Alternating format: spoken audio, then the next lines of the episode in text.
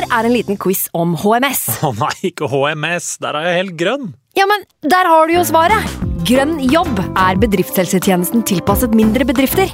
Våre HMS-eksperter hjelper mer enn 8000 bedrifter over hele Norge med alt fra lovpålagte HMS-krav til pålegg fra Arbeidstilsynet. Få på plass bedriftshelsetjeneste på grønnjobb.no. Hallo? Jeg kommer fra Oslo politikammer. Ine Jansen er purk. Er du purk? The motherfucking bitch. Alt jeg vil, er å finne ut hva som skjedde med mannen min. Jon Carew. Er jeg sikta for noe? Iben Akeli. Det er du. Ole So, Lars Berrum og Big Daddy Karsten. Hvem sin side er du på, egentlig? Anette Hoff, Tone Danielsen, Kommer du fra Afrika? Jørnis Josef, Nesten. Kløfta. Trond Espen Seim, Det er synd å si det, men det var feil mann som døde. Purk. Premiere tirsdag på TV2 Play. Nå har vi starta. Fantasy. God evening.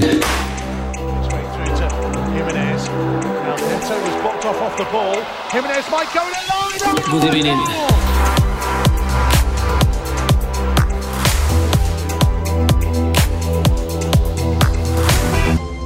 Hei, og velkommen til en ny planleggingsuke med Fantasyrådet.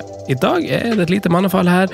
Jeg lanserte Christian Wessel som gjest. Jeg må ta selvkritikk og beklage, for det var min skyld. En bom fra min side. Han kommer neste uke, så vi sparer spørsmålene fra Benjamin Særs og de her Christian-sjangerspørsmålene. Men allikevel, fortsatt så mangler vi eh, tredjemann, Simen, så vi er bare én freak eller geek. Du bestemmer selv hva du vil være, men hei.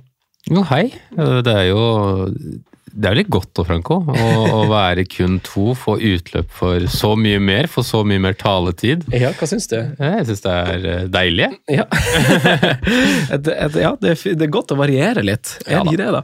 Jo, jo, også vi har jo, det, det er jo litt sånn starten av sesongen for oss, så er det ofte mye gjestepreg, og det er mange vi ikke har pratet med på lenge som vi vil invitere og sånne ting. og det, For all del, det er veldig hyggelig å ha folk i studio, det er veldig hyggelig å høre andre stemmer og tanker og sånne ting, men, men det er godt å få utløp for absolutt alle tankene sine også. Jeg ser den i 100, 100% Og nå har vi jo i Den første landslagspausen er jo den lengste, Simen. Ja. Uh, og vi har akkurat spilt inn Eliterådet òg, på Eliteserien Fantasy. Og Jeg syns den kan være tyngre på vinteren, altså, for da er det så mye mindre å finne på. Oh, ja, ja, det kan jeg være enig i. Det er bare at jeg er så ivrig på starten. Ja. At jeg gleder meg så Jo til uh. Så, Men ja, det er jo uh, Det er jo masse som skjer. Det er jo valg, har du stemt? Ja, Det er valgdag i dag, men det er deilig å forhåndsstemme. Ja, bra.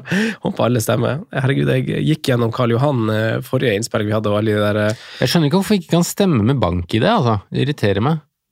Ja, det vil du oppfinne. Oppfinne, altså, det, det, ligger, jo- det ligger jo der. Ja. Men eh, altså Prater om at, ikke, at du kan kjøpe stemmer, og du kan sitte med en pistol til hodet, og, og du skal stemme det. Men det, det samme kan du gjøre med banken din. Du kan jo sende alle pengene dine et, et sted. Så det må jo gå an. Ja, ja, Kom an. Det er i 2023.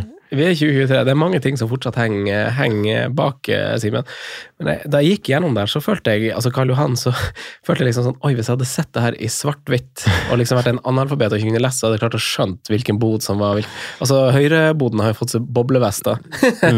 Blir ikke mer høyre enn det. Og så kommer disse rosene, da. ja, rosene fra litt sånn godt voksne folk, egentlig. Ja, ofte, i hvert fall. Ja, ja, ofte. Og så har du liksom de her litt sånn klisjete folkene i Frp, og litt sånn krøllete fritt hår i MDG. Det, det, det, det, er, det er vanskelig. Stereotypene fins i politikken også. Det er, det det. dit, dit vi skal. Det, det er dit vi skal. Du, eh, Simen, folk må bruke stemmeretten sin, det er bra. Du har gjort det. Har du hatt en fin landslagspause? Ei god helg? Hva Ja, det ble årets siste fisketur. Eh, så egentlig sitte Skal langs ikke ut og pilke når isen kommer? Nja, kanskje litt, men jeg er ikke, jeg er ikke Altså, det er uh, rødt på tørrflue som er greia her. Ja. Det er ikke, pilking er ikke der. Men jeg har sittet langs Renelva i to, to døgn med to gode kompiser og egentlig bare sett på elva. Ja. Det var eh, lite action. men det er godt å være ute uansett.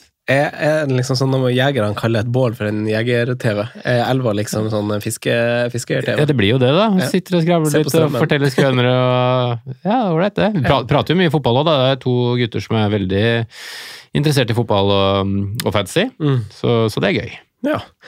Nei, det, det er interessant. Jeg, synes, eh, jeg har også liksom prøvd å Jeg har liksom avtaler med, med forlaget òg, egentlig, at jeg skal gjøre litt promo i episodene, sånn men bruke landslagspausene litt, for nå er det jo veldig sånn fint, og det er jo veldig mange som bruker wildcard, så jeg tror faktisk veldig mange kjøpte boka fordi at de er på wildcard. altså sånn, fordi at de kanskje liksom bare sånn Fordi at liksom, nå er man kanskje litt nede, man vurderer wildcard, man vurderer hits. Fint tidspunkt å kjøpe. Men det går jo ikke ut på dato. Den gjør ikke det. Det er liksom noen Det gjør jo denne episoden her, eh, og det, er noe vi jager med at vi grunner til å spille litt tidlig. og sånn, Men den kan du, du kan, om du kan kjøpe nå, så trenger du ikke å lese sesongen her. Du kan lese den når du prepper til neste sesong. Men hvordan ville du Eller jula, eller hvordan, Ja, ikke sant? For den tar jo for seg fasene av sesongen, egentlig. Men hvordan ville du ha For det syns jeg har vært vanskelig. Hvordan ville du ha jeg syns også det er ukomfortabelt å gjøre promo for noe eget. Men hvordan ville du ha gjort det? Hva, synes du liksom er, hva, hva hadde truffet deg? Hvis jeg skal få alle lytterne av podkasten å gå inn på nordli.no eller sitte og kjøpe fantasyvettreglene, hvordan ville du ha gjort det? Ja, nei Både her i podkast, men også skriftlig. Jeg enig, jeg er skjønner veldig godt hvor du vil, for jeg er også ikke en sånn type som egentlig liker å promotere sitt, Nei, sine forsiktig. egne ting sjøl, og vi har jo jobba en del med det når vi har drevet prosjekter sammen også. Mm. Vi har pusha oss sjøl til det, faktisk. At Ja, sånn ja, ja. faen, du må bare kjøre på. Men så har man jo blitt litt mer sånn ehm, Sånn som i starten så hørte jeg jo eller noen av oss gjør det for kanskje enda, men jeg hørte alle Fancyråd-episodene Ja. på nytt. Åh, Åh, hva grusomt å høre egen stemme og sånn. Gir jeg totalt F Ja. i hvordan jeg høres ut, eller om jeg sier noe feil, eller øh, og Hvis man får en kommentar på et eller annet også, uansett om hvordan det på en måte er lada, så, så ler man liksom det bare det bort. For det, det er jo fortsatt sånn at jeg, jeg sitter her og spiller inn på mandag, når jeg går hjem etterpå, eller tar T-banen hjem etterpå, så har jeg glemt mye av det vi har prata om. Ja. Eh, Fordi man er en sånn boble her, da. Ja, ja, at man liksom glemmer og, og så får jeg en melding ja, 'Var du så positiv til han?' Var jeg det? Ja, det er det som er folk, Når folk hører på podkasten, så hører de jo eh, etter ting de vil høre, sikkert. Og så, og så selv om ting bare virker som en bisetning for deg, så er det liksom en viss lytter sitt, sitt ønske å høre nok en mening om akkurat det navnet. og da plukker man opp det, da, Simen, så vi må velge litt med omhu. Men da får jeg si det at målet er jo at alle som hører på denne podkasten, skal klikke seg inn og, og kjøpe boka. da. Ja. Så får de kontakte meg hvis de vil ha signert, for det kan jeg eh, dele ut og sende Ja, personlig. kom jeg bort. Du, du, du vil ha ikke signert. Eh, men du, eh, runden eh, som gikk, eh, Simen, vi tar Ja. den eh, ganske kjapt, tenker jeg egentlig. Jeg står eh, Jeg har en sånn typisk runde hvor miniligaen er, er liksom farga av grønne og røde piler, eh, egentlig. Og det vil si at jeg havna midt på det jevne, og jeg var så nært å bruke wildcardet. Så helt sjukt, fordi at jeg hadde liksom Jeg føler at det er litt sånn early days panic òg. Altså tidlig i sesongstarten. Du vil hoppe på alle togene, du ser at spillere leverer parallelt, og du ser at andre rivaler eller whatever kommer seg på spillere, og du føler deg ett steg bak. Eh, Så å sitte i en posisjon og tenke at nå skal jeg stole på troppen min en runde til, det er jeg veldig glad for at jeg gjorde. Ikke fordi at Altså, jeg fikk jo på en måte rød pil, jeg fikk 75 poeng. Eh, gjennomsnitt er 72. Jeg satt på MBUMO for Mitoma, faktisk, eh, som jo lønna seg litt. Men, eh, men eh, det var jo eh, en frykt der, eh, for, og masse jeg hadde lyst til å gjøre. Jeg skisserte masse planer som hvordan et wildcard ville sett ut, og nå tror jeg, hvis vi Hvis jeg hadde brukt et wildcard nå, VS hvis vi bruker det når jeg har tenkt å bruke det, som vi skal komme tilbake til senere i episoden, så tror jeg jeg kommer til å sitte igjen med mer poeng enn det jeg hadde gjort. Så, så hvis man ser det i større bilde, så er jeg ganske fornøyd, selv om eh, Martinelli, Saka og disse spillerne fikk lavere poengsum enn det Madison og sånn gjorde, som, jo, som jo ville kommet inn. Så eh, jeg er fornøyd med at det tok en, en fot i bakken, og det er jo sånn at eh, så tidlig i sesongen så er ting så vanvittig dynamisk. Ting forandrer seg så uka til uka. Forrige runde så var det liksom Madison, nå har sikkert folk litt sonn-panikk, eh, og folk Det kommer nye kommer nye spillere som folk vil ha ut, det kommer nye spillere som folk vil ha inn, og det er ny 4-5-spiss som plutselig eh, leverer. ikke sant? Så det er veldig liksom I starten av sesongen transfervinduet fortsatt åpent, det var masse å forholde seg til, og det endrer seg fra runde til runde så vanvittig masse. Så eh, jeg er glad jeg klarte å, å, å holde han av, eh, Simen, og jeg ikke ble grepet av panikk. Eh, men eh, hva med deg? Jeg ble grepet av panikken, jeg, da, hvis det skal, skal formulere seg sånn. Men du hadde et jeg- litt annerledes lag enn meg. jeg hadde vel faktisk Jeg har ikke regna på det, men jeg hadde vel faktisk tjent på å spart på laget, eh, faktisk. Eh, men jeg føler fortsatt at de spillerne jeg tok inn, var mer forventa poeng, og jeg traff på de, og at de som faktisk fikk poeng og gjorde som at jeg i etterkant kanskje burde spart wildcardet, var mer sånn tilfeldige, usikre kort. da. For da snakker vi SC, Martinelli, eh, kanskje først og fremst av det offensive. Antageligvis, hvis jeg ikke hadde brukt wildcardet, så hadde jeg kanskje vært nærheten å kaste en av de uansett. Eh, For Madison kanskje gått i null på det byttet, cirka. Da. Um, så jeg er egentlig ikke så misfornøyd med at jeg brukte wildcard. Det uh, eneste er jo den at man sitter igjen og føler seg litt dum når man ser uh, f.eks. Chelsea i Nottingham Forest. At man velger trippelt fra et lag som ikke har vunnet har vel vunnet én kamp i kalenderåret eller et eller annet sånt. Uh, og uh, er jo ikke bra. Um, men jeg er egentlig veldig jeg, Altså, jeg har stabla et lag. Jeg har uh, tatt med meg to benkes... Eller tre spillere som sitter på benk runden som var, skal jo inn til neste runde, f.eks. Mm. Uh, føler jeg har skaffa meg dynamikk, har mye mer flex med at jeg har penger i bank. Um, har fått på de spillerne jeg føler jeg ville, ville ha. Uh, eneste er at jeg endte uten et Liverpool, en Liverpool-spiller. var jo både mye på Sala og mye på Trent egentlig, i løpet av den wildcard-uka mi. da. Trent var vel siste kastet jeg gjorde. Eller nei, det var det ikke. Men det sto mellom jeg skulle ta tripper, om Tripper eller Trent skulle inn på den plassen der, da. Så ble det Tripper. Mm. Det ser fint ut, det også. Så, så um, 77 poeng. grønn pil, ok. fått inn mye av det jeg vil ha. Så jeg, selv om jeg kanskje hadde fått like mye poeng ish, da, som jeg hadde spart laget, så er jeg egentlig fornøyd. Ja, Strålende. Simen, du, vi tar Jeg har et lite statshjørne som jeg, jeg, skal nevne noen stats. Du skal få lov til å reagere. for det er fint å ta en liten sånn der hva man skal si, da. Eh, Litt av oppsummering etter fire runder, man er i en landslagspause. Hvordan har det sett ut statsmessig også? Og så har vi en hoveddel som skal ta for oss. Vi har selvfølgelig fått en sylteagurk, som du nevner i forbifarta her. Eh, noen har fått Spurs-psyken, og det er for så vidt fair. Vi har fått en dobbeltrunde. Det er wildcard-prat. Eh, vi skal snakke litt om kaptein, eh, men først så tar vi en liten fot i bakken, og så er vi tilbake straks. Stats-hjørnet, Simen. Mm. Eh, vanligvis eh, Sondre sitt hjørne. Eh, her har jeg skrevet 'Franco nevner stats', Simen reagerer. Hvordan vil du ha reaksjoner? Eh, du må ta det fra hofta. Ja. Det er da du er best. Overdrevent? Du er ikke en overdreven fyr, er du det? Nei, egentlig ikke. Nei, du må ta det ekte. Ja, men late, altså mer sånn det, det, det, Klisjé, men det som er greia det, Jeg er jo litt sånn lei av at man hele tida skal liksom overprate ting. Ja. Prestasjoner og sånne ting. Jeg vil heller liksom også poengtere det når det er dårlig, og så de er skikkelig dårlige, liksom. Da. Så, ja. ja, men det er fint. Jeg gleder meg. Håper du har Eller er det hovedsak positive stats? Ja, du, du, ser på utelukkende positive. Ja. Altså, jeg har tatt en offensiv bolke og en defensiv bolke. Ja. Og den offensive bolken så har jeg eh, skrevet opp eh, liksom alltid topp fem. Eh, så topp fem expected goals uten Det er stats fra Fantasy Football Scout. Vi nevner kilde her. Eh, vi har, det er bra. Ja, vi, har, vi har høyere utdanning, vi, Simen. Så vi vet at det er riktig å gjøre. Vi må ha vi, vi, kan ta det sånn. Her kommer Jeg har fire bolker på offensive. Og så har jeg det samme for så vidt på defensive òg. Men på de offensive så har jeg expected goals uten å inkludere straffe, Simen. Eh, ingen overraskelse på topp. Haaland. 3,05. Nummer to, eh, faktisk rett bak med 3,03, Jackson. Å oh, ja, han er nummer to, ja.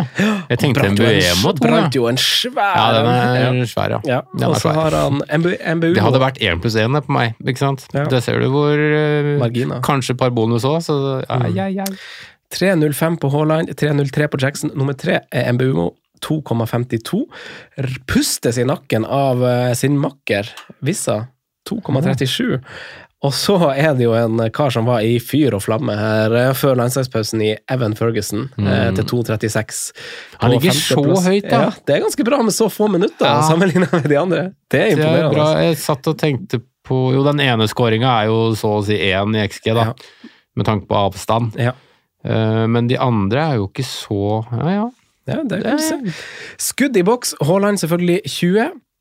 Det her ja, da er vi på antall. Ja, han har 20, og det er mest. Og her er, jo, her er det jo noen jokere, for nummer to er Edward. Med 18. Ja, Oddson. ja, Oddson Edward.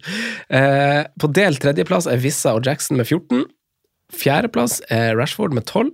Delt femteplass Julian Alvarez og The Legend Jordan Ayew med 11. Ja. Og her vil jeg jo da si wow til Aju og ja. sånne, egentlig. Ja, det er litt wow. Pelles. Ja. det er Det er jo SC vi skal ha. Ja, sant! Det var bra du plukka den, Simen! Det var akkurat reaksjonen jeg ønska. Ja. Så det er jo litt interessant at her har flere meldt seg på. Det er, For hvor mange d- Samurai har miksa det opp. Ja, altså, men hvor mange målpoeng tror du ikke SE hadde hatt hvis disse hadde vært effektive? For det er jo stort sett han som setter de opp, ikke sant? Det kan du si. Det jo, de har jo andre kombinasjoner også, så klart, men eh, Ja, nei, det kan du si. Han hadde Ja, ja Kanskje løsne, da. For det, Og sånne bør vi jo Vi kan ta dette spalten for så vidt, men han bør vi jo prate mer om. Han bør det, faktisk. Fordi han ser ut som det òg klar, Ikke Løsner litt, Ja, og ser ut som at han er foran Mateta i køen, selv om Ja. Mateta har to gode innhopp nå, Ja. da.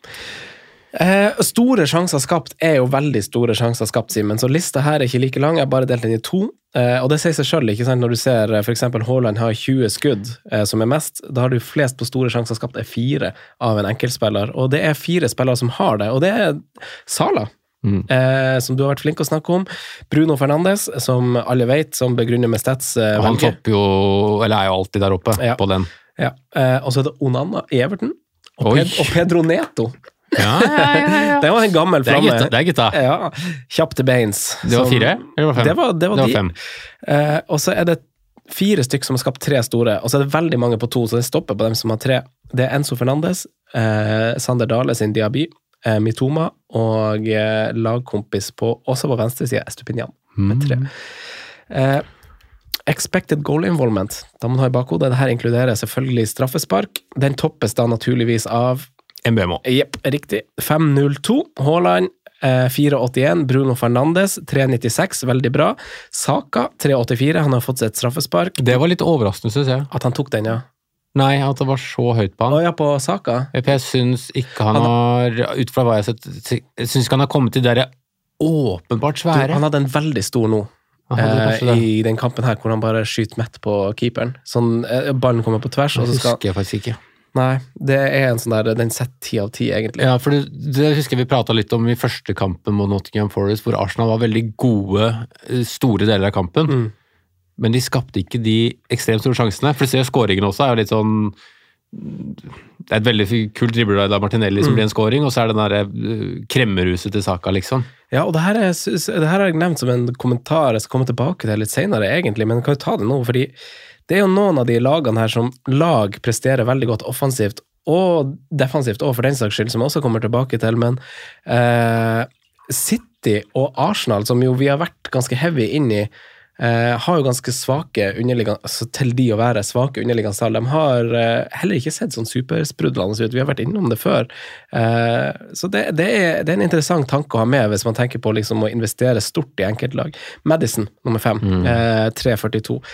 Eh, defensive, Simen. Her er det noen navn som går igjen, og jeg har tatt med meg at det er noen lag som har deres der må folk bare stole på. Jeg har sett på Men defensive tall, altså lagbasert, da. ja, nei, ja, det har jeg først. Gode underliggende tall som helhet. Jeg har bare summert opp i suppa nå. Eh, Disse lagene har vært gode, eh, basert på ulike tall. Det er City, Arsenal, Chelsea og egentlig liksom tett etterfulgt av det, Chelsea er for så vidt interessant eh, at de er der. Newcastle, Brentford og Palace. Kanskje sånn, der, sånn lag som er rett bak topp fire, som vi nesten ikke er overraska over at er der, eh, og vi hadde litt sånn tro på. Men uansett, vinklinga mi på defensive spillere er jo deres offensive bidrag, og ikke hvor gode de er til å takle. så vi har eh, Ja, vi kan godt dra noen taklinger også. ja, vi kan det. Eh, vi, har, eh, vi har bare én spiller eh, i forsvar som har eh, mer enn én stor sjanse for seg sjøl, og det er Cash. Han har tre. For seg selv, ja. ja, for seg selv. Og der har du jo, som jeg nevnte på Patron i forrige uke, da, Mm. for de som var der Nå har ikke jeg sett alle Aston Villa-kampene totalt, men han spilte jo ikke back mot Liverpool før de måtte gjøre et bytte. Han spilte jo høyre kant defensivt i 4-4-2, 4-4-1-1, og offensivt i en slags 4-3-3, 4-2-3-1. Mm. Litt avhengig av hvordan du ser den der McGinn-rollen, om det er en 4-2-3-1 eller 4-3-3, da. Ja, sant. Det, det er faktisk et godt, en god notat å ha med seg. Eh, flest store skapt er selvfølgelig Estupinian med tre. Og så har vi bare ei Her er det også veldig mange som har én, men det er også en håndfull som har to. Det er Chilwell, Trent, Rico Henry, din mann, eh, Tyreek Mitchell Og vi fortsatt Porro, sjanse for det sjøl nå? Nei, store skapt. Ja. Store, så Estupinian har tre. De Chilwell, Trent, Rico Henry, Tyreek Mitchell, Pedro Porro og Reece James. Ja, så, så av de vi han ikke har nevnt mye i podkasten, så er det Tariq Mitchell som ja. bør nevnes. da. Ja, egentlig. Det er Palace generelt har enkeltspillere over, ja. Roy. Og generelle sjanser skapt er kanskje mer tellende for en forsvarsspiller enn en midtbanespiller. Altså ei pasning eller ei avlevering som blir til avslutning. Estupinian topper med tolv, Trippier og Digne har ti. Chilwell og Trent har ni, Ashley Young har sju, Shaw, Robertson og Andersen på, på femteplass med seks. Ja.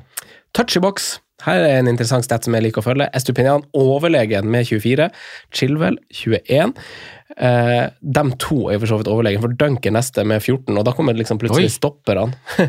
Dunk 14, Dawson Collins med 10, og så har du et par backer med Walker og Udoji med 9, og Tarkovskij som også har 9. Mm. Et interessant ting, syns jeg, der, da, er jo at um, den øh, dyreste forsvareren på spillet, uh, han er ikke så mye nevnt. Eh, han var nevnt i den forrige med sjanser skapt, ikke for seg selv, men sjanser skapt. Eh, men man ser også litt sånn tweaking i utgangsposisjon og hva de på en måte skal bruke han til. Da. Men at han, ikke, at han ikke er i nærheten av offensiv touch innenfor 16, er jo egentlig negativt. Ja, ja, egentlig, men er det det for Trent? For det er han du sikter til, sant? Ja, altså ikke i den kampen som var nå, kanskje, for nå spilte han jo Hva Liverpool gjorde i den kampen, var jo at de eh, Han vet ikke om han gjorde det sjøl, eller om det var på en måte et grep de hadde bestemt seg for, men eh, Villa la seg halvhøyt i en 4-4-2 med høy linje og ikke press på stopperne. Så Trent droppa bare ned som stopper og sto der som quarterback og spilte. og det var Selvmålet til Cash eh, kunne jo vært en assist fra Trent hvis Salah hadde gått rett på mål. Eh, han spiller også direkte opp på Diaz en gang, som kunne blitt en farlig skuddposisjon. Så han skaper jo nok i den kampen der, men på en helt annen måte enn spesielt Espinano Cash, da, Ja. som er inne i boks. Ja. Som enten er sist eller nest sist, liksom. Ja, og det viser seg også i, i eh, statsene her, for Cash er jo flest avslutninger med ni, Porro og Dunk med sju, Chilwell og Estupinian med seks. Porro rå bør vi jo nevne, faktisk. Ja. Porro er fin. Og siste jeg har, er jo expected goal involvement fra, fra forsvarsspillere, hvor Chilwell, nei, unnskyld, Cash topper med 2.38, Chilwell 2.15, Estupinian 1.48, Varan og Tim Ream med, med henholdsvis 1.08 og 0.98. Ja, Tim Ream hadde vel én I Expected Goal. ja. Det er én som drar opp der. Eh, Simen, det var statshjørnet for i dag. Vi skal Ja. over til, eh, til sylteagurken og snakke om eh, de blå i vest. Vi har fått spørsmål på Twitter, eh, og er det litt sånn tidlig å få panikk, syns du, rundt eh, Chelsea, og da kanskje spesielt Jackson, som, eh, som blir ansiktet på det folk lurer på er en fiasko? Um, panikk uh, Ja.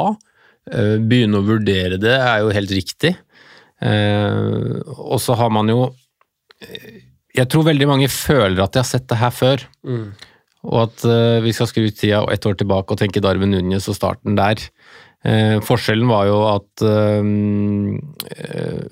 Nunes skårte et par, fikk seg et rødt kort og hadde en mye større konkurranse om plassen sin som helhet, da, hvis man skal si det sånn.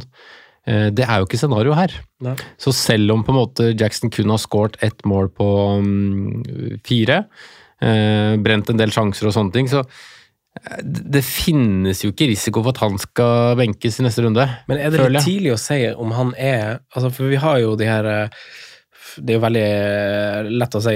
Han ble brukt som et eksempel i, i boka mi òg, som alle lyttere har kjøpt nå, men Timo Werner Ja, blir det liksom, blir, altså sånn, Er det tidlig å trekke to strek under at det her er en spiller som bare brenner? Som kommer til sjansene, men bommer, Ja, bommer, bommer, bommer. Kanskje, men jeg syns du ser det på en måte på hele han. da. Altså, Jeg syns han har Han er keitete, litt sånn dårlig touch, eh, gjør det vanskelig for seg sjøl. Han er litt rå. Men han er, ja, men han har jo absolutt mye med seg også. Når vi så han i Jeg skal innrømme at jeg så ikke hele kamper da. Da så jeg bare høydepunktspakker og skåringer først og fremst. og sånne ting. Men eh, han synes han hadde enda mer råskap faktisk i preseason i noen av de glimtene der. Um, men han har jo vist det nå også. altså Han viste det til tider mot Liverpool, selv om han ikke fikk noe scoring. Eh, At han matcher opp med gode fysiske stopper også, at han gir det i kamp. Um, var jo veldig livlig mot Luton, og så ble det bare én scoring. Luton er jo en sånn prater jo allerede om Luton-tax. At man liksom får en scoring ekstra der på oh, ja. sine, liksom. Men eh, Og det er jo det eneste scoren han har. Han skal jo åpenbart score mot Nottingham Forest, eh, men uh, det er jo en grunn til at sånne sjanser ikke settes 100 av 100, selv av de aller beste også. Ja. Så setter kanskje Haaland 95 av 100 på den der, da. så setter kanskje Jackson per nå 70-65, ikke sant. Men uh, Nei, altså, jeg, jeg har vært der at jeg har vurdert ett og to tidlige bytter her, eh, i sånn harnisk, i sånn Som du egentlig introduserte episoden med også, at man får litt panikk. At det føles sterkere i starten av sesongen. Hadde dette vært i kanskje runde 14, så hadde man ikke kjent på det like liksom press og at du må bytte og sånn. da. Jeg tror han ser veldig på de som leverer akkurat nå, for man har ikke det der lengre perspektivet med kamper som har skjedd. da. Men eh, Litt avhengig av hvor du står, men jeg syns du kan begynne å lukte og se på andre alternativer. altså. Det, det gjør jeg, og spesielt eh, i Jacksons sitt tilfelle så er det jo en som ikke koster så mye mm, Koster litt mindre og, og ser ut til å være the real deal i år, og det er jo godeste Julian Alvarez. da. Ja. Ja, men samtidig så syns jeg Jeg synes det er veldig masse som kan backe og gi Jackson litt mer tillit. Ja da. Eh, Og det er, er jo, altså Selvfølgelig er resultatet mot, eh, mot Forrest kjempedårlig, eh, men så har de de gode underliggende tallene som selv, selv om det kanskje ikke stemmer helt overens med det øyet ser, jeg er enig i det, at det, det kunne sett bedre ut, men eh, som lag så skaper Det er ingen som skaper mer eh, enn det Chelsea gjør, og de har også nest færrest skudd mot seg i boks. Jeg tenker sånn med det kampprogrammet de har, så er det liksom feil tidspunkt å, å selge det også. Eh, og du må gjerne sammenligne med Alvarez. Jeg skulle gjerne hatt begge, egentlig, men jeg syns også han har fått en del sånn flakspoeng. Jackson hadde uflaks, jeg synes Alvarez har hatt litt flaks. Altså sånn, den ene assisten som han åpenbart spiller bak, var det Grealish. Så altså går den via forsvareren, som gjør at den havner i bein Eller er det Haaland, kanskje, faktisk? Eh, som, som setter den så er det sånn derre jeg syns det er billig at han får den assisten av Fantasy, fordi jeg føler Det er kanskje intended target, men det ser ikke sånn ut. Det ser ut som det er ment for Bernardo Silva, eller hvem som kommer og løper bak. Og, og så liker vi jo at spillere kommer i riktig posisjon, som Julian Alvarez også gjør. At han blir satt opp i skåringsposisjon, og eh, han ikke gjør så mye ut av det sjøl og ikke er så flashy, men han er jo der og tepper og whatever. Det digger vi jo. Men eh, jeg syns veldig mange av assistpoengene hans, også i runde én til Haaland, liksom, langt ifra ferdigskåra. Så jeg syns han har fått godt betalt, men sånn er det med gode lagkamerater. Ja, og så har, ja, det er det jeg skulle si. Altså, du, Manchester City kommer til å skåre mer mål enn det Chelsea gjør. Og så lenge på en måte Alvarez er involvert i, i 90 minutter, så kommer han til å bli både involvert i, det, altså Han kommer til å få flaksemålpoeng, han kommer til å få velfortjente målpoeng. Og så har du jo motargumentene her nå. ikke sant? Nå, vi, nå er det jo første gang denne sesongen her vi skal begynne med kamp, andre kamper for disse lagene enn det som er Premier League. Eh, Chelsea har ikke dette europakjøret. Jackson kan hviles eh, fra helg til helg, stort sett. Eh, husker jeg ikke hvem de har trukket i cupen i første runde, og sånn, men han kan antakeligvis ikke figurere så voldsomt mye i, i de. Uh, mens da andre lag skal spille mm, helg i midtuke, helg i midtuke. eh, kanskje med topp av laget i mye større grad. Og i tillegg så har ikke Jackson noen reell utfordrer. Nå er vel Brocha eh, Broja Brocha eh, nærmere kanskje tilbake, men eh, jeg tror fortsatt det er ganske åpenbart at det er Nicholas Jackson som kommer til å bli satsa på der. da. Um, så det er ikke sånn at det, det er ikke sånn at han må ut. Ikke, men uh, en annen ting å merke seg at han har jo pådratt seg tre gule kort allerede. da. Ja. Uh, jeg husker ikke om det er fire eller fem, men det nærmer seg i hvert fall. Um, Og så er det lagene han møter, da. Bournemouth har sluppet inn åtte mål. Eh, altså Ja. de, fire, de fire neste. Bournemouth står nå, de har sluppet inn åtte mål. Villa etter det, du sa det før innspilling, de har ikke sett noe bra ut bakover. Sluppet inn masse mål de òg. Fulham har flest store sjanser mot seg av samtlige lag. Burnley har sluppet inn elleve mål på tre kamper.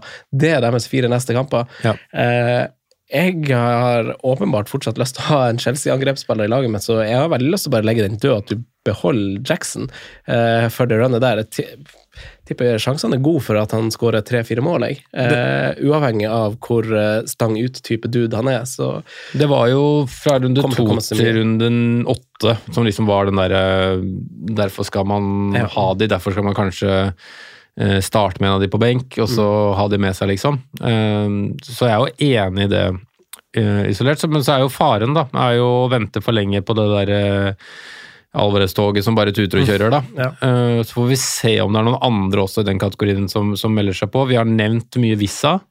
Uh, Vi har snakka litt ned Evan Ferguson med tanke på alternativer, alder, de aspektene der. Uh, Avony har vi ikke prata så mye, faktisk. Um, han er i den kategorien litt under. Og så er det Eduard, som vi nevnte i stad. Uh, en jeg liker veldig godt, som jeg har troa på totalt sett, er Dominic Solanke. I det sjiktet der. Jeg tror Bournemouth kommer til å være bedre i år enn de har vært. Eh, og så sistemann er vel også Eller siste er det jo ikke, da, fordi man må jo begynne å prate Watkins og Isak etter hvert også, med tanke på programmet snur nå. Men hvis Darwin Núñez skulle fått den plassen der, som, hvor han har levert nå fire målpoeng på de siste 70 minuttene han har spilt, da. Um, men jeg er egentlig enig i konklusjonen din, altså, om at vi, vi holder Jackson litt til. Men hvis det på en måte er det kall svake leddet i elveren din, og du har fryktelig lyst på Alvarez, så skjønner jeg det også. Ja. ja, det ville ikke jeg ha gjort. Men ja. Eh, ja. Du, vi går videre eh, til, til Tottenham. Eh, nord i London, ikke vest. Eh, vi har fått spørsmål av, eh, av mange, og det handler litt om at eh, Tottenham er god. Eh, ingenting ondt om Kane, men noen ganger så er det eh, er det ikke så dumt å få ut en stor personlighet, eller en spiller som veldig mange i laget bare ender opp med å lene seg på. Litt sånn som Arsenal med han. Det, det, vi har sett den historien før. Eh, så, så det, det ser ut som det er en glød der. Eh, de har tredje flest store sjanser skapt, bak bare United og Chelsea, og det er litt som jeg var inne på i stad. Litt interessant når vi har satsa så så hardt på City og Arsenal, at de er eh, selv om de har gode resultater, så har de ikke skapt og vært så livlige og hatt så masse action i kampene sine som vi kanskje så for oss før sesongstart, men det har vi derimot sett i, i, i Tottenham og også angivelig United og, og Chelsea, ifølge statistikk. Eh, tre bortekamper har de jo hatt hittil. Eh, de vant jo den ene, og de to andre virker jo å være mot lag som virker å være svake i Burnley og, og Bournemouth per nå, og så var jo hjemmekampen mot eh, United. Eh, Sheffield United nå eh, hvor mange må man bare komme seg på Tottenham-toget? Ja, man må komme seg på. Det må man, men um, akkurat denne runden her, så er det jo litt Eller etter den runden som var, så er det jo faktisk vanskelig å si hvem som faktisk er øverst på Ja. den øh, prioriteringslista, da. Ja. Uh, men jeg syns man skal på Tottenham, jeg fikk så voldsom Madison-fomo at det nesten trigga wildcard pga. Madison. Det er nesten sånn. Um, han har sett så steike bra ut, altså. Nesten bedre enn han noen gang har gjort i Leicester, og det har vært bra, veldig bra til tider, det også. Og så er det rett og slett det der greia med at uh, man har snudd et uh, Er det lov å kalle det Tottenham-laget man så i går i fjor, litt grått? Uh, man har livla Altså, det har blitt skikkelig livlig, rett og slett. Som du sier, pga. at Kane er borte. Ikke at det er noe vondt mot han, ikke fra Tottenhams syn heller, men at man har man har fått fram så mange andre da, som Ja. skinner og tar ansvar og de tingene der. Så mm, jeg, jeg, det har vært utrolig gøy å se, se Tottenham spille fotball i år. Det tror jeg jeg nevnte før også, men den Brentford-kampen i runde én tror jeg er den morsom, kanskje den morsomste Premier League-kampen jeg har sett i år. Mm. For da, da hadde du eh, Tottenham som gikk ut for å dominere, og så har du Brentford som er veldig gode på det å, å bestemme seg for når de skal gå og ikke gå. Så det ble sånn spill og motspill hele matchen Mm. der. Um, bekkene ser fantastiske ut. Udoji ser jo helt konge ut. Pedro Porro vet vi har det virkelig eksplosive offensivt også. For noen sexy Destiny og Pedro på hver sin back. Det, er, Det blir ikke bedre. nei, det blir ikke bedre. Og så Bizoma, som ikke er noen fancy aktuell, men som bare går rundt og bosser hele, alle kampene han har vært. vært. så du assisten hans i landslagspausen? Ja. Med nummer ti på ryggen der. Yes. Ice cold, baby.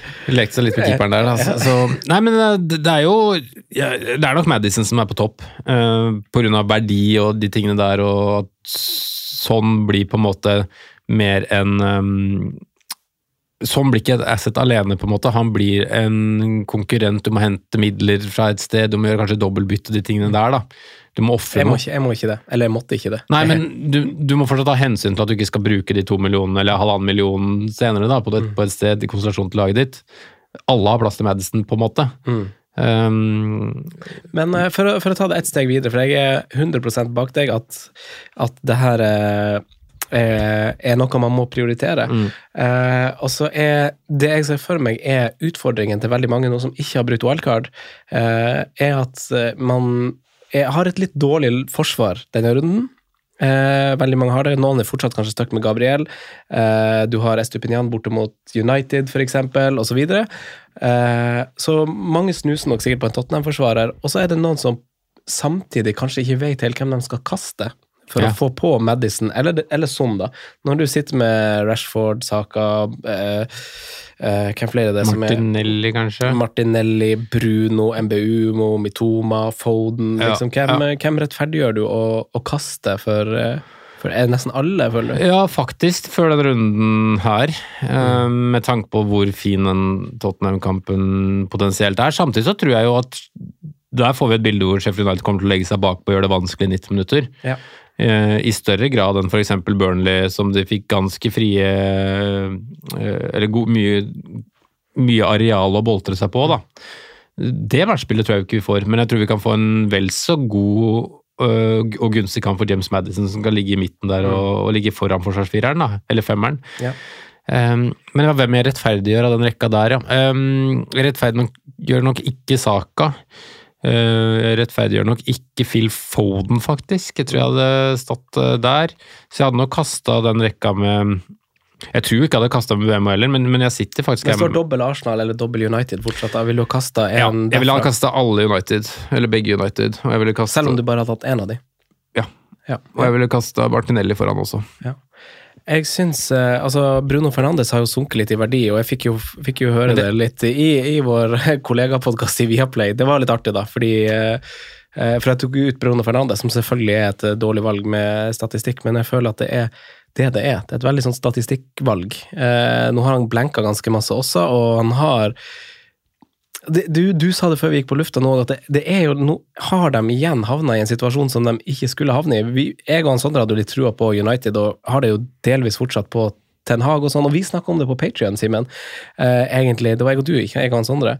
Fordi jeg føler at eh, at United nå har skutt seg sjøl litt i foten, og jeg føler jo Ten Hag må egentlig ta 100% ansvar for det som har skjedd med med, med, med, med, med Sancho. Sancho, takk. Eh, og Gary Lineker tweeta om det, og det syns jeg er fint. Liksom, skal han bare få drite ut han Sancho, så skal han forvente at han ikke sier noe tilbake?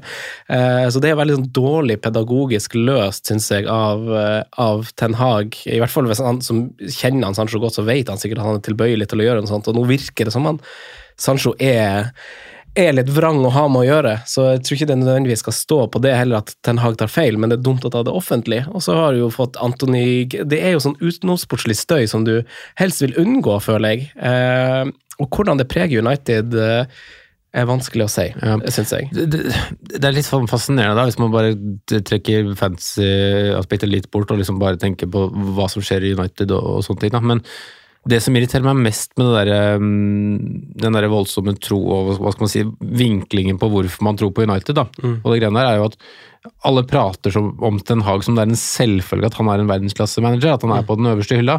Altså, han har trent Ajax og trent Utrecht, han har ikke noe, liksom, gjort noe vidundermerker utenom det der ene Champions League-runnet, på en måte, sånn i det store, store bildet. Eh, Så han er jo fortsatt på hylla under alle disse trenerne som alle andre har. Det er ikke noe selvfølge at han er på liksom lik linje med Klopp og Arte, altså Pep. Uh, Arteta også har jo et steg opp til disse enda. Ja, det er jeg enig. Eh, men liksom jeg føler man alltid prater om det selvfølgelig at han er, han, han er så bra, da. Og jeg, jeg føler ikke at jeg har sett et United som har utvikla seg ekstremt. Ja. De hadde en vanvittig bra tropp når han, han tok over. Eh, men han var flink, og han så det ene som, vi har, som alle har skreket under fem år med Hvor lenge var Solskjær da? Tre år? To år? Eh, han kjøpte seg en defensiv midtbanespiller. Mm. han skulle kjøpt to med en gang, men det har jo denne klubben der skreket etter i år og dag. Ja, 20 år sikkert. Ehm, så, så det gjorde han, og da fikk jo så klart han jo kom til å gjøre det bedre da, for det var jo den åpenbare puslebrikket eh, som, som mangla. Det er jo litt samme som Liverpools sommer i år. Det var ganske tydelig hva de skulle hente. Og Man henter liksom midtbaner når, når man trenger det. De gjorde det også for seint, men man må liksom ta de der, da. Har du troa på Amrabat, da? Det er forskjell. Jeg har ikke sett han så mye. Jeg hørte han fikk veldig skryt i VM i Qatar, men da, jeg så jo ikke på det. Nei. Um, Nei, men Jeg hadde en kollega som refererte til, til det, eh, som, som var sånn Å prestere i et VM, hva er egentlig det i forhold til å prestere i Premier League?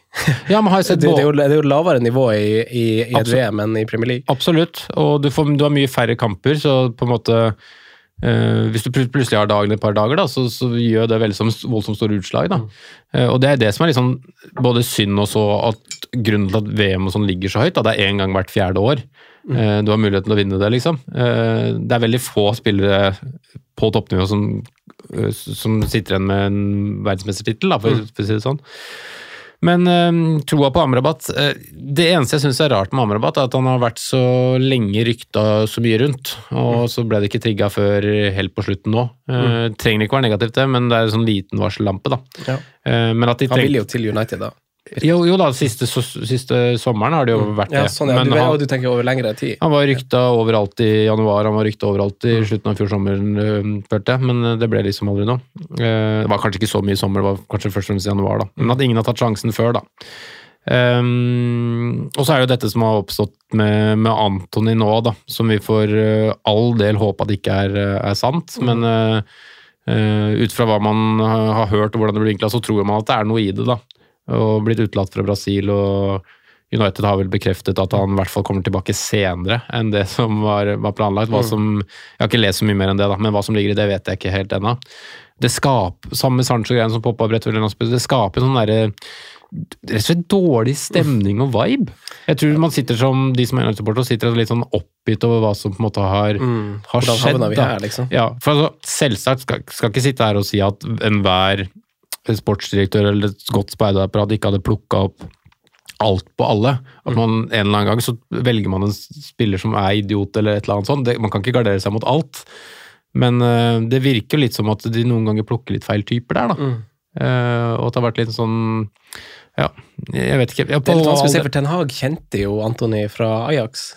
Han skulle, jo, så han skulle jo absolutt ha han. Ja, sant? Så det, jo, måte, det ligger jo et eller annet der. Og så, sånn der ting, Det er så farlig å uttrykke seg om sånne ting òg, selv om jeg har altså, det, er, ja, ja, det er jo ofte spillere som havner i sånn søkelys med med damer sånn som eh, Jeg tør ikke ut, uttrykke meg om det. Men, nei, nei, skjønner. fordi, fordi, fordi, og det som er litt sånn skummelt å si som De er jo verdens beste økonomiske ofre også. Ja, det er akkurat det. For dem, dem eh, altså Selvfølgelig vil man dem få damer som skal utnytte seg av uh, situasjonen, og sånn, så kan det hende Så jeg skjønner jo på en måte at det er masse øyne ikke kan se, så å sitte for oss og dømme tror jeg blir feil. Så jeg stiller meg bak deg. Vi håper jo på en måte veldig masse av det ikke stemmer. Jeg håper ingenting av det stemmer. Ja, ja åpenbart. Men- men alt- det er uansett off the field eh, trouble. Vi Ja. vet ikke hva som skjer. og det igjen har jeg følt liksom all, Selv om Bruno Fernandes og Rashford sikkert er fine alternativer, så er alt rundt United nå er blitt en sånn der surna greie. og Vi, er, vi sitter her runde, etter runde fire og snakker om det, liksom. Eh, dette som skulle være en opptur og sånn. Så klart de kan snu det. De starta dårlig i fjor også, må ikke glemme det.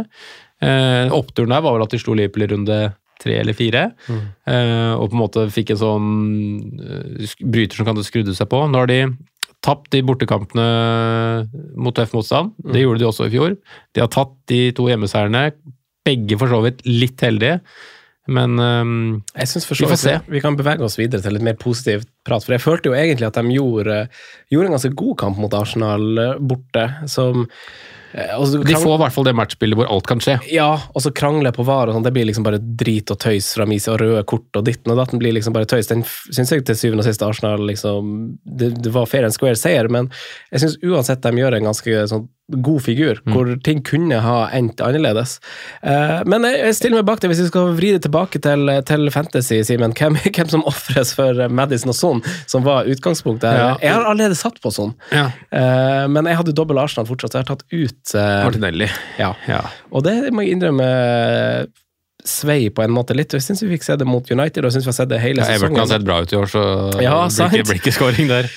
Men jeg syns uansett han er liksom eh, av en, ah, men Han er jo ikke freda i laget, som han Saka er. Men han Martinelli har liksom en sånn tendens til å være den som på en måte sånn er der.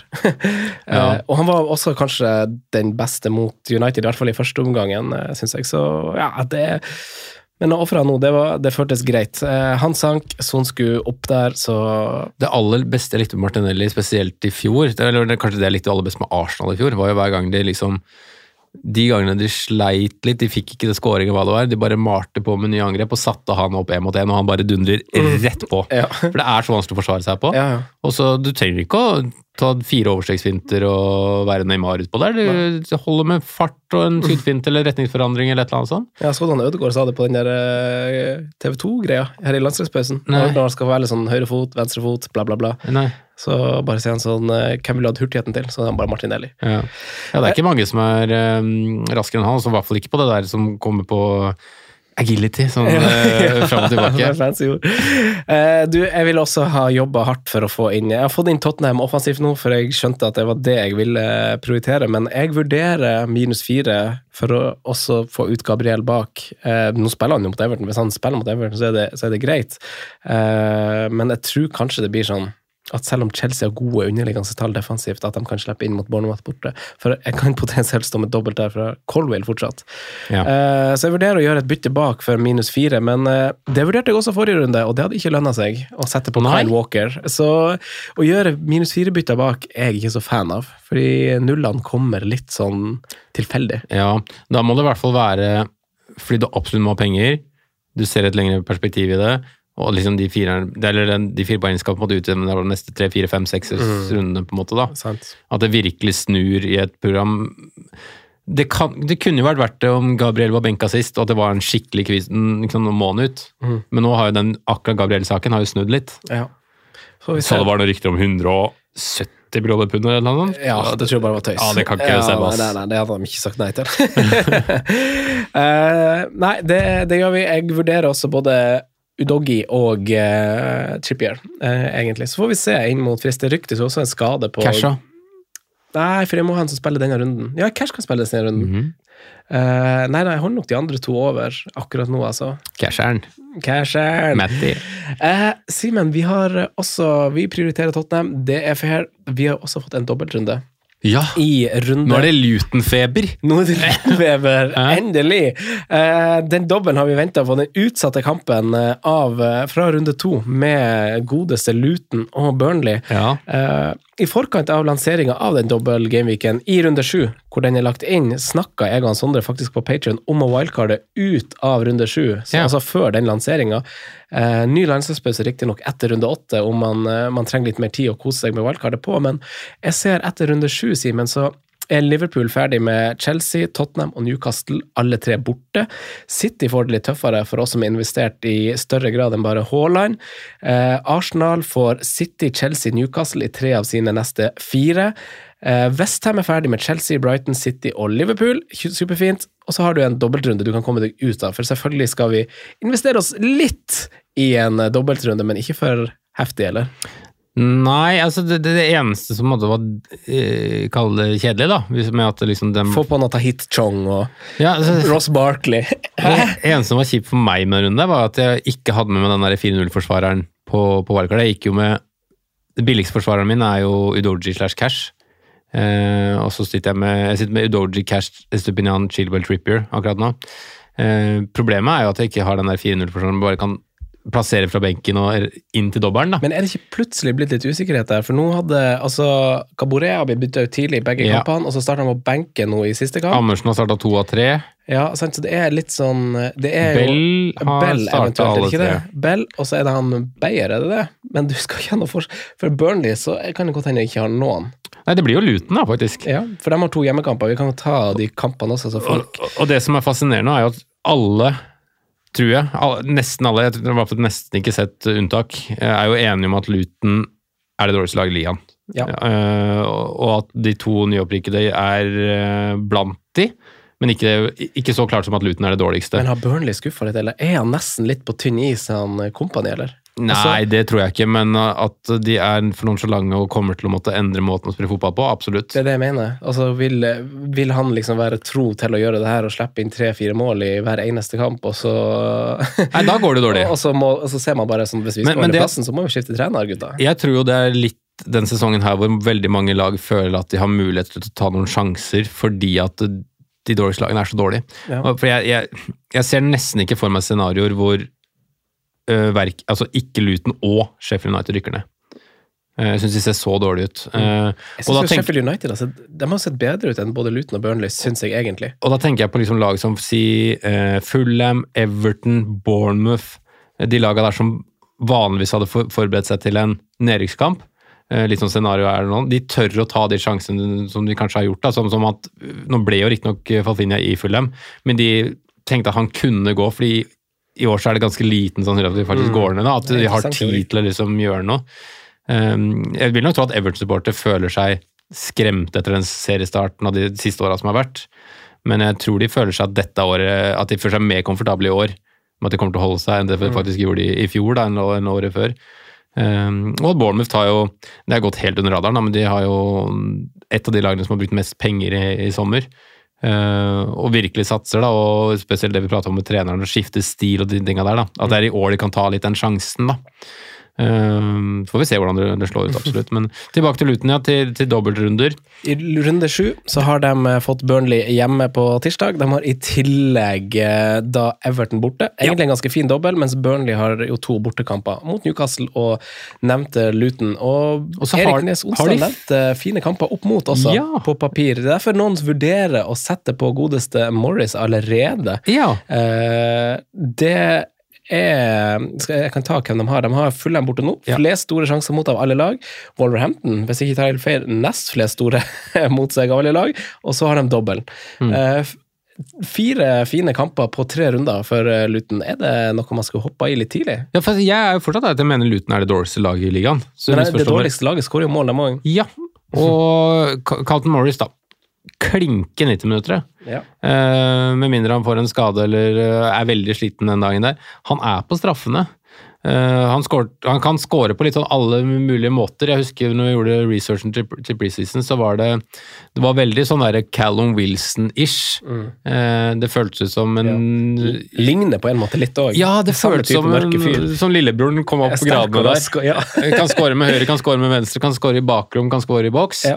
Eh, noen få langskudd, men det var ikke mange av de. Eh, så, så hvis det er um, Hvis man bare skal se på program, så er det den perioden nå du skal ha de, og aldri mer. Det er de tre, tre rundene her. Så, men det er, ikke, det er ikke sånn at det er must eller noe ennå, langt, langt ifra. Eh, Jeg tror fortsatt Fulham holder nullen jeg, i den kampen der. Eh, I hvert fall hvis eh, Joao er tilbake. Men mål, hvis har. det er noen periode, så er det nå. Ja, det, det er jo vanskelig å ikke stille seg bak det, altså, men så har vel de også en eh, forsvarsspiller som, eh, som tar dødballer i Giles, eh, som jo fikk veldig masse skryt av, skryt av Erik Aase. Eirik Aase heter han, unnskyld, Eirik. Eh, tar jo og blir jo, eh, blir jo skrytt eh, mye av for et veldig, veldig godt venstreben. Eh, Fire-fem forsvarer, eh, kanskje det er bare de to man har. Kanskje man krydrer med, med en eh, keeper av noe slag, aner ikke, men eh, vi kapteiner jo uansett ikke dem i runde sju, og vi skal ha dem ut på wildcard eh, mellom runde sju og åtte for oss som gjør det, eller sette dem på benken, ganske klink. Eh, Han, er jo, han, er, han blir jo faktisk en differensialkaptein, da. eh, I den runden, selv om jeg er enig i at utgangspunktet ikke gjør det. Men City har bortekamp, Liverpool har bortekamp. eh, United har fin, fin kamp hjemme, men Palace er gjerrige. Arsenal har bortekamp. Men du får, får ikke litt sånn der eh, Veghorst uh, Jo, absolutt. flashbacks? Absolutt. ja, vi har vært der før. Men det- Down that road before, baby. Den runden har ikke uh, City hjemme mot Fulham, eller eh, Liverpool hjemme mot Bournemouth, eller Arsenal hjemme mot eh, Everton. Nei da, det er sant, det. Men uh, ja, det er spent, spent. for å se hva algoritmen sier vi skal gjøre. når vi kommer dit, ja. Vi får se. Uh, nei, vi har i hvert fall fått en dobbeltrunde, og vi må jo ta hensyn til den, men jeg skal ikke gå overboard. Det kan jeg love deg. Maks tre spillere kommer jeg til å ha. Hvis du skal ha wildcardet nå, Sondre, uh, Simen eh, Det her har jeg også fått spørsmål om på på Instagram var det vel fort vekk, men også på Twitter. Hvem, hvem ville du ha Hvem ville ha vært eh, Vi skal jo ikke bygge, bygge laget vårt på sandgrunn her, så det er om å gjøre å ha solide bærebjelker og stå solid. Hvem ville ha vært dine? Jeg tror jeg ville satt opp et wildcard med 2-4-0 bak og Carlton Morris, og så sett om jeg skulle spilt en eller to av de bak. Så du ville ha bygd, laget ditt på Carlton Morris her. Ja, altså jeg ville tatt han Hvem ville hatt i mål? Vi har fått spørsmål om oh, ja, for he- helt Ja, ja. wildcard? Ja, ja, Nå helt trodde jeg du mente i forhold til Luton, jeg. Ja, nei, nei, nei. Uh, nei, Uh, i mål, ja. Um, Du kan ta det ganske kjapt. Hvem ville vært bærebjelkene på dette wildcard-laget? altså Arola hadde vært keeper. Problemet er jo at, som du nevnte, at de har et litt tøft program to runder til. Men Eh, ikke når vi skal wildcard ut av runde sju. Nei. Så, så, så grunnen til det var at jeg endte jo til slutt opp med Leno siden av, men jeg hadde jo veldig lyst til å gå Areola Turner. Grunnen til at jeg ikke gikk turnet, var jo fordi at Nottingham Forest kjøpte seg en ny keeper. Og jeg vet ikke hvem som er først i køen. Nei. Jeg tror kanskje det er Turner, men jeg vet ikke. Derfor gadd jeg ikke å ta sjansen på det. til, i hvert fall. Ja. Så ble det to spillende keepere. Bakover så tror jeg det valgt så å si den rekka jeg har bak, men eh, jeg står jo med fem, da. eh, Som er spillende, så kanskje ikke du har råd til det. Kanskje du skal ha sånn og sånne ting som du må figurere litt. Og så ville jeg hatt Trent inn i miksen der. Eh, men av det interessante, Cash, Estepinian, Chilwell, Trippier, Udoji, Porro, Trent eh, Mitchell Andersen, en av de kanskje. Eh, ja Ja. Har jeg ikke nevnt det aktuelle forsvaret da? Jo, jo, absolutt. Jeg bare også tenker, liksom, ville man ha hatt uh, Sala, eksempel? Ville jo ha Jeg synes er et fint tidspunkt i et OL-kart nå å mikse og trikse litt, fordi det er enkle spillere, og da tenkte jeg ikke hovedsakelig på Sala, jeg tenkte også på Darwin Nune, som du nevner i stad. Kanskje har vært verdt en sjanse å ta nå. Uh, vi har jo en fire-fem-spiss i Archer, som spiller og åpenbart virker å være ganske flink. uh, og kommer til å spille for Sheffield United, så det er jo det er sånn, det er et fint tidspunkt også nå, synes jeg, hvis du skal prøve å komme deg litt frampå, men det er eh, samtidig følte siste runde før eh, landslagspausen nå, Simen, at eh, det endra seg litt. Fra å være liksom eh, Stirling, Madison og liksom MBUMO, no-brainer, så, så, har det liksom endra seg med at Son og sånn har meldt seg på. og det, ja, det, det, er spennende tider, og det er masse å tenke på for dem som skal velge. Ja velge Midtbanen er jo fortsatt ekstremt vanskelig. Uh, Sala er jo selvsagt inne i miksen. Vil du ha 3-5-2? Ja. Archer som benkespiss, eller er det en Det er ikke en 4-5-spiss som spiller fast i en av dem med dobbel? Um, det er han der Woodrow som jeg, Woodrow. som jeg har, som, uh, som, kommer inn i Du har jo Adebayo til 4-9, da. Ja, det har du. Han starter vel? Han starta, starta alle fire. Mm, tre. Uh, alle tre, sorry. Mm. ja. Burnley har ikke noe særlig. Nei, Haaland, Darwin, Morris kan jo være en mulighet hvor du kan da preppe, og så prøve å holde av bytter til runde sju, og så kanskje bytte ut begge hvis det går dårlig, da. Mm. Men som du sier, det kan være verdt en ta en sjanse på, på Darwin, uh, sånn som det ser ut nå. Carlton Morris har et fint run nå de tre neste, og så være klart å i hvert fall ta ut Morris, eller bare leve med en million på benk. Ja. Uh, men også være klar til at du kanskje må kaste Darwin igjen, da, fordi uh, det ser virkelig ut som han er på gang. Det ser virkelig ut som han er i ferd med å eksplodere, men uh, jeg er ikke 100 altså. Jeg, er fortsatt der jeg er for sesongen, at jeg tror Gakpo starter i veldig mange scenarioer. Ja, jeg så litt på, på statistikk her i stad, faktisk, på runden som var, for jeg skulle sjekke litt på hans Son. Jeg kan ta det, ta det med en gang òg, eller sånn eh, Skal vi se Nei, nå, nå tar han for seg et større bilde her. Eh, men, eh, men, Darwin Nunes skilte jo med veldig åpenbart gode underliggende tall også denne runden. Han har jo, altså Son skårer jo på tre av fire avslutninger, f.eks., men det er jo, føler jeg er litt sånn som han Son er. Ja. han er veldig god avslutter, han kan chippe, han kan skyte med høyre, han kan skyte med venstre. han har nest høyest XG uten straffe denne runden, og det er jo bare Nunes som er bedre. Han har fem skudd i boks. Fem av fem skudd i boks. Eh, han har eh, tre av dem vurdert til store sjanser. Så det er jo en ganske rå spiller å ta, ta en sjanse på akkurat nå. Ja, han har et voldsomt tak. Det uh, har vi på en måte pratet om i, i, over en sesong nå. Uh, og så ser du nå at han fortsatt er litt der han var i, i fjor, men jeg syns han ser skarpere ut sånn helhetlig. Uh, ikke det at han dominerer kampen i større grad, for det, det, gjorde han jo fortsatt i fjor, men han ser skarpere ut i touchen og de tinga der. da. Mm. Eh, så er det jo en, egentlig en dårlig avslutning som ender med et selvmål i cash. Den bør han jo egentlig sette. Høres ut som han det. Eh, og så ser du sjansen i andre omgang hvor alle tror at uh, han bommer helt på blank. Hvis du mm. ser den ekte vinkelen, så ser du at Martinez faktisk har en touch på han, mm. som gjør at uh, den endrer ballbanen rett foran hodet på han. Så det, den kan jeg faktisk forstå at han bare treffer, og at han ikke får på mål, selv om den sjansen er vel sikkert 0-9 XG, mm. sikkert.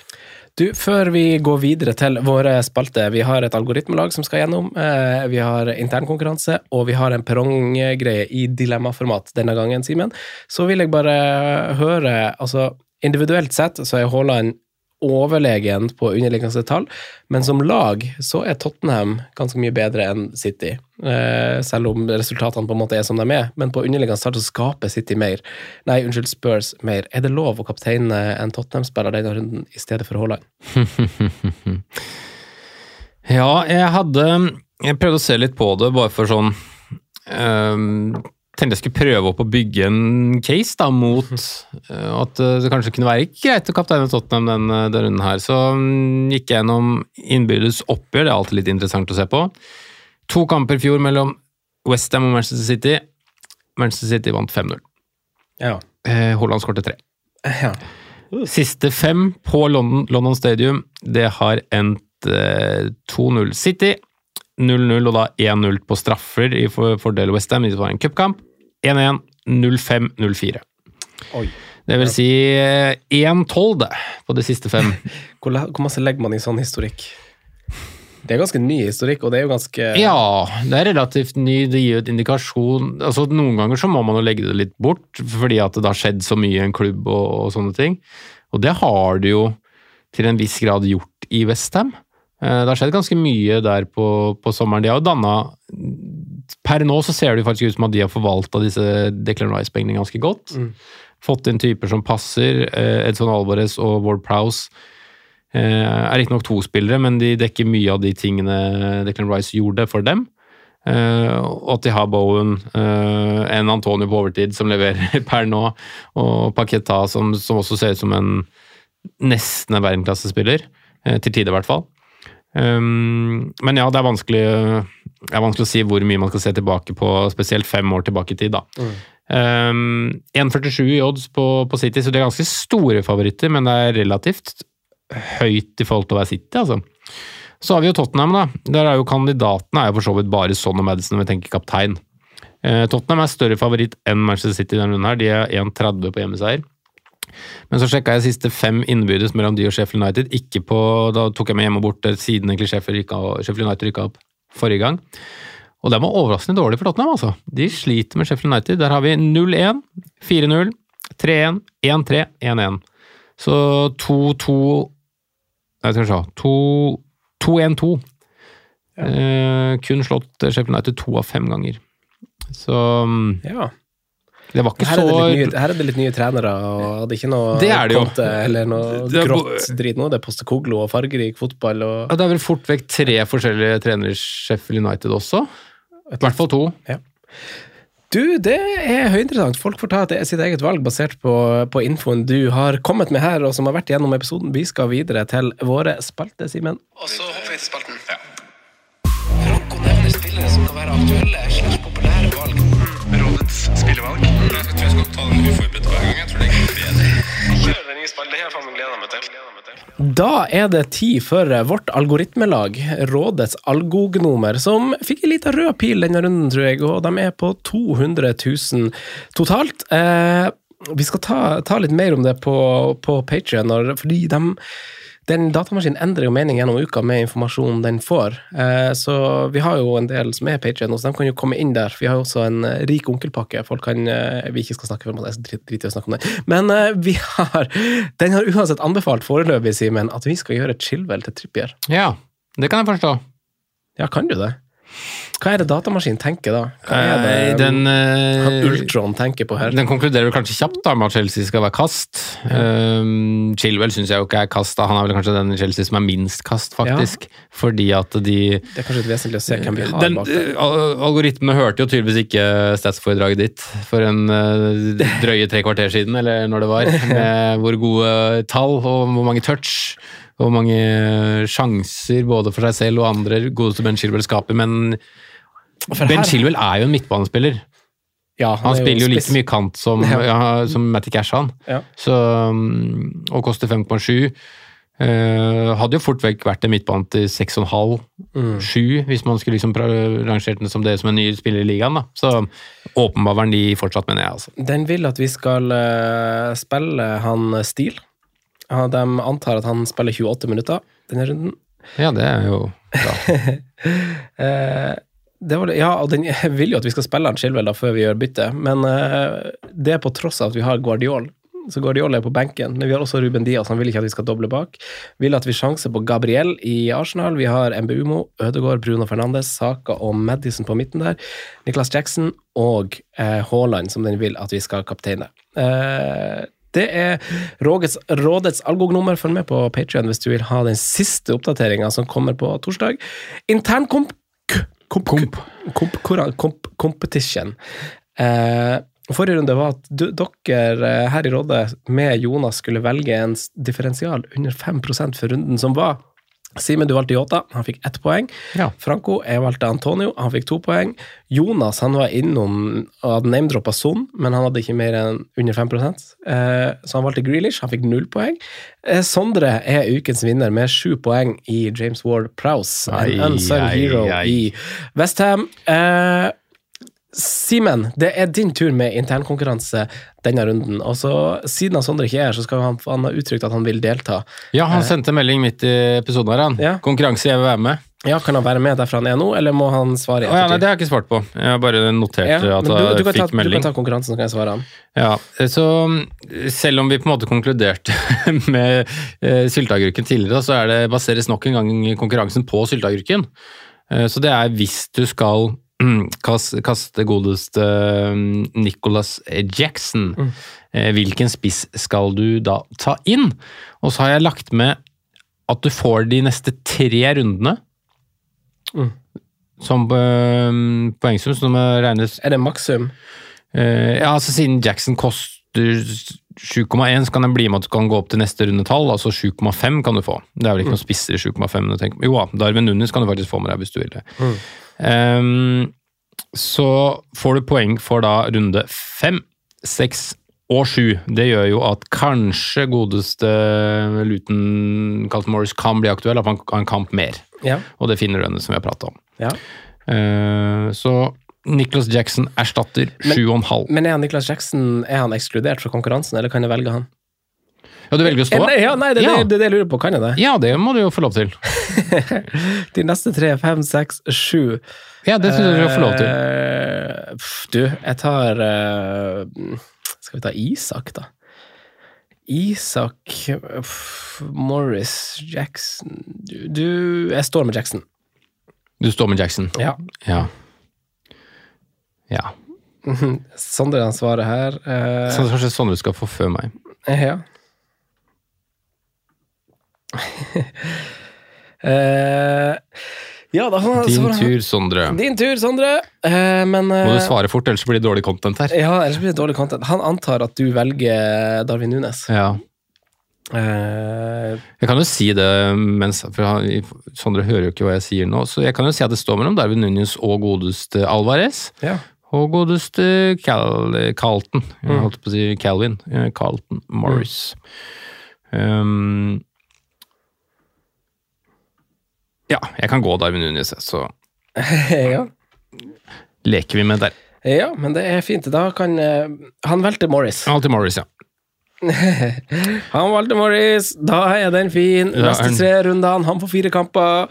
Eh, på perrongen, Simen, det er dilemmaformat. Spille Onana eller Turner denne runden? Begge har hjemmekamp. Han ene har Brighton, Brighton. hjemme, og han andre har Burnley hjemme. ja. Eh, jeg spiller Turner. United har ikke taket på Brighton. De har tapt de to siste på Trafford. Ja. Eh, fin. Neste dilemma er Jeg, jeg er med deg, egentlig. For Ja. en mandagsspiller òg. Estupinian eller Chilwell, hvem spilles? Ja, det er jo reelt for, for meg, faktisk. da. Så da svarer jeg det jeg har satt opp i busslaget mitt, og da sier jeg at jeg spiller Chilwell. Ja, samme her. Bytte inn Trippier eller Udogi? Åh, Udogi heter han kanskje. jeg har jo begge. Ja. Trippier. Eh, bytte inn Alvarez, Avony, Darwin eller Edward. Så det var egentlig Vi snakka Ja, mer om spisser i dag. Der blir det jo- av. Der blir det jo Nunes, da. Da blir det jo det for deg fort vekk. Mm. Eh, da blir jo det fort vekk. Med det så ønsker vi å takke for eh, at eh, folk fulgte denne episoden, og håper at ikke vi får for masse United-fans på nakken for avsporinga og vår kritikkverdige prat. Nei, det er ikke det. Vi var snille. Simen, Jeg tror de er e- enige i hovedresonnementet. Kanskje uenige i noen detaljer. du, vet- du vet aldri med liksom, de få sure eplene. ja, i da, Du vet de, aldri. Vi, vi har fått høre det fra liksom, eh, Vi har jo sagt- rare United-fans før. vi har ikke sagt noen sånn direkte vond mening personlig. Det er mer at vi har konkludert med hvordan uh, situasjonen er der nå. Ja, for så vidt. Uh, takk for i dag. Takk for i dag. Adios. Adios. Ball. Jimenez might go in a line. God evening.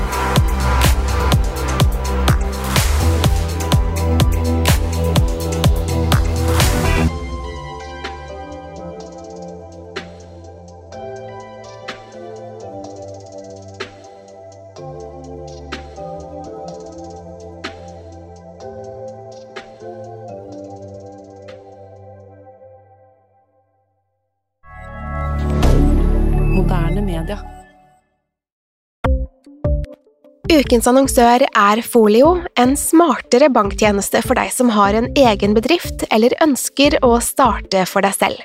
Folio er en superenkel nettbank for bedrifter.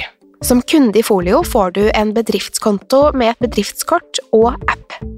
I denne appen er det smarte løsninger som forenkler regnskapet ditt, uansett om du har en liten bedrift eller et enkeltpersonsforetak. Folio er både intuitivt og brukervennlig, og er laget med et enkelt språk. I tillegg tilbyr de forutsigbare priser og ingen skjulte gebyrer. Skulle du likevel trenge det, så kan du snakke med deres raske og hyggelige kundeservice, og der får du prate med en faktisk person og ikke en chatbot. Folio er med andre ord både enklere og koseligere enn banken. Over 10 000 bedrifter har allerede valgt Folio som sin banktjeneste, så besøk folio.no og se hvordan Folio kan forenkle din hverdag også. Har du et enkeltpersonforetak eller en liten bedrift? Da er du sikkert lei av å høre meg snakke om hvor enkelt det er med kvitteringer og bilag i fiken, så vi gir oss her, vi. Fordi vi liker enkelt. Fiken superenkelt regnskap.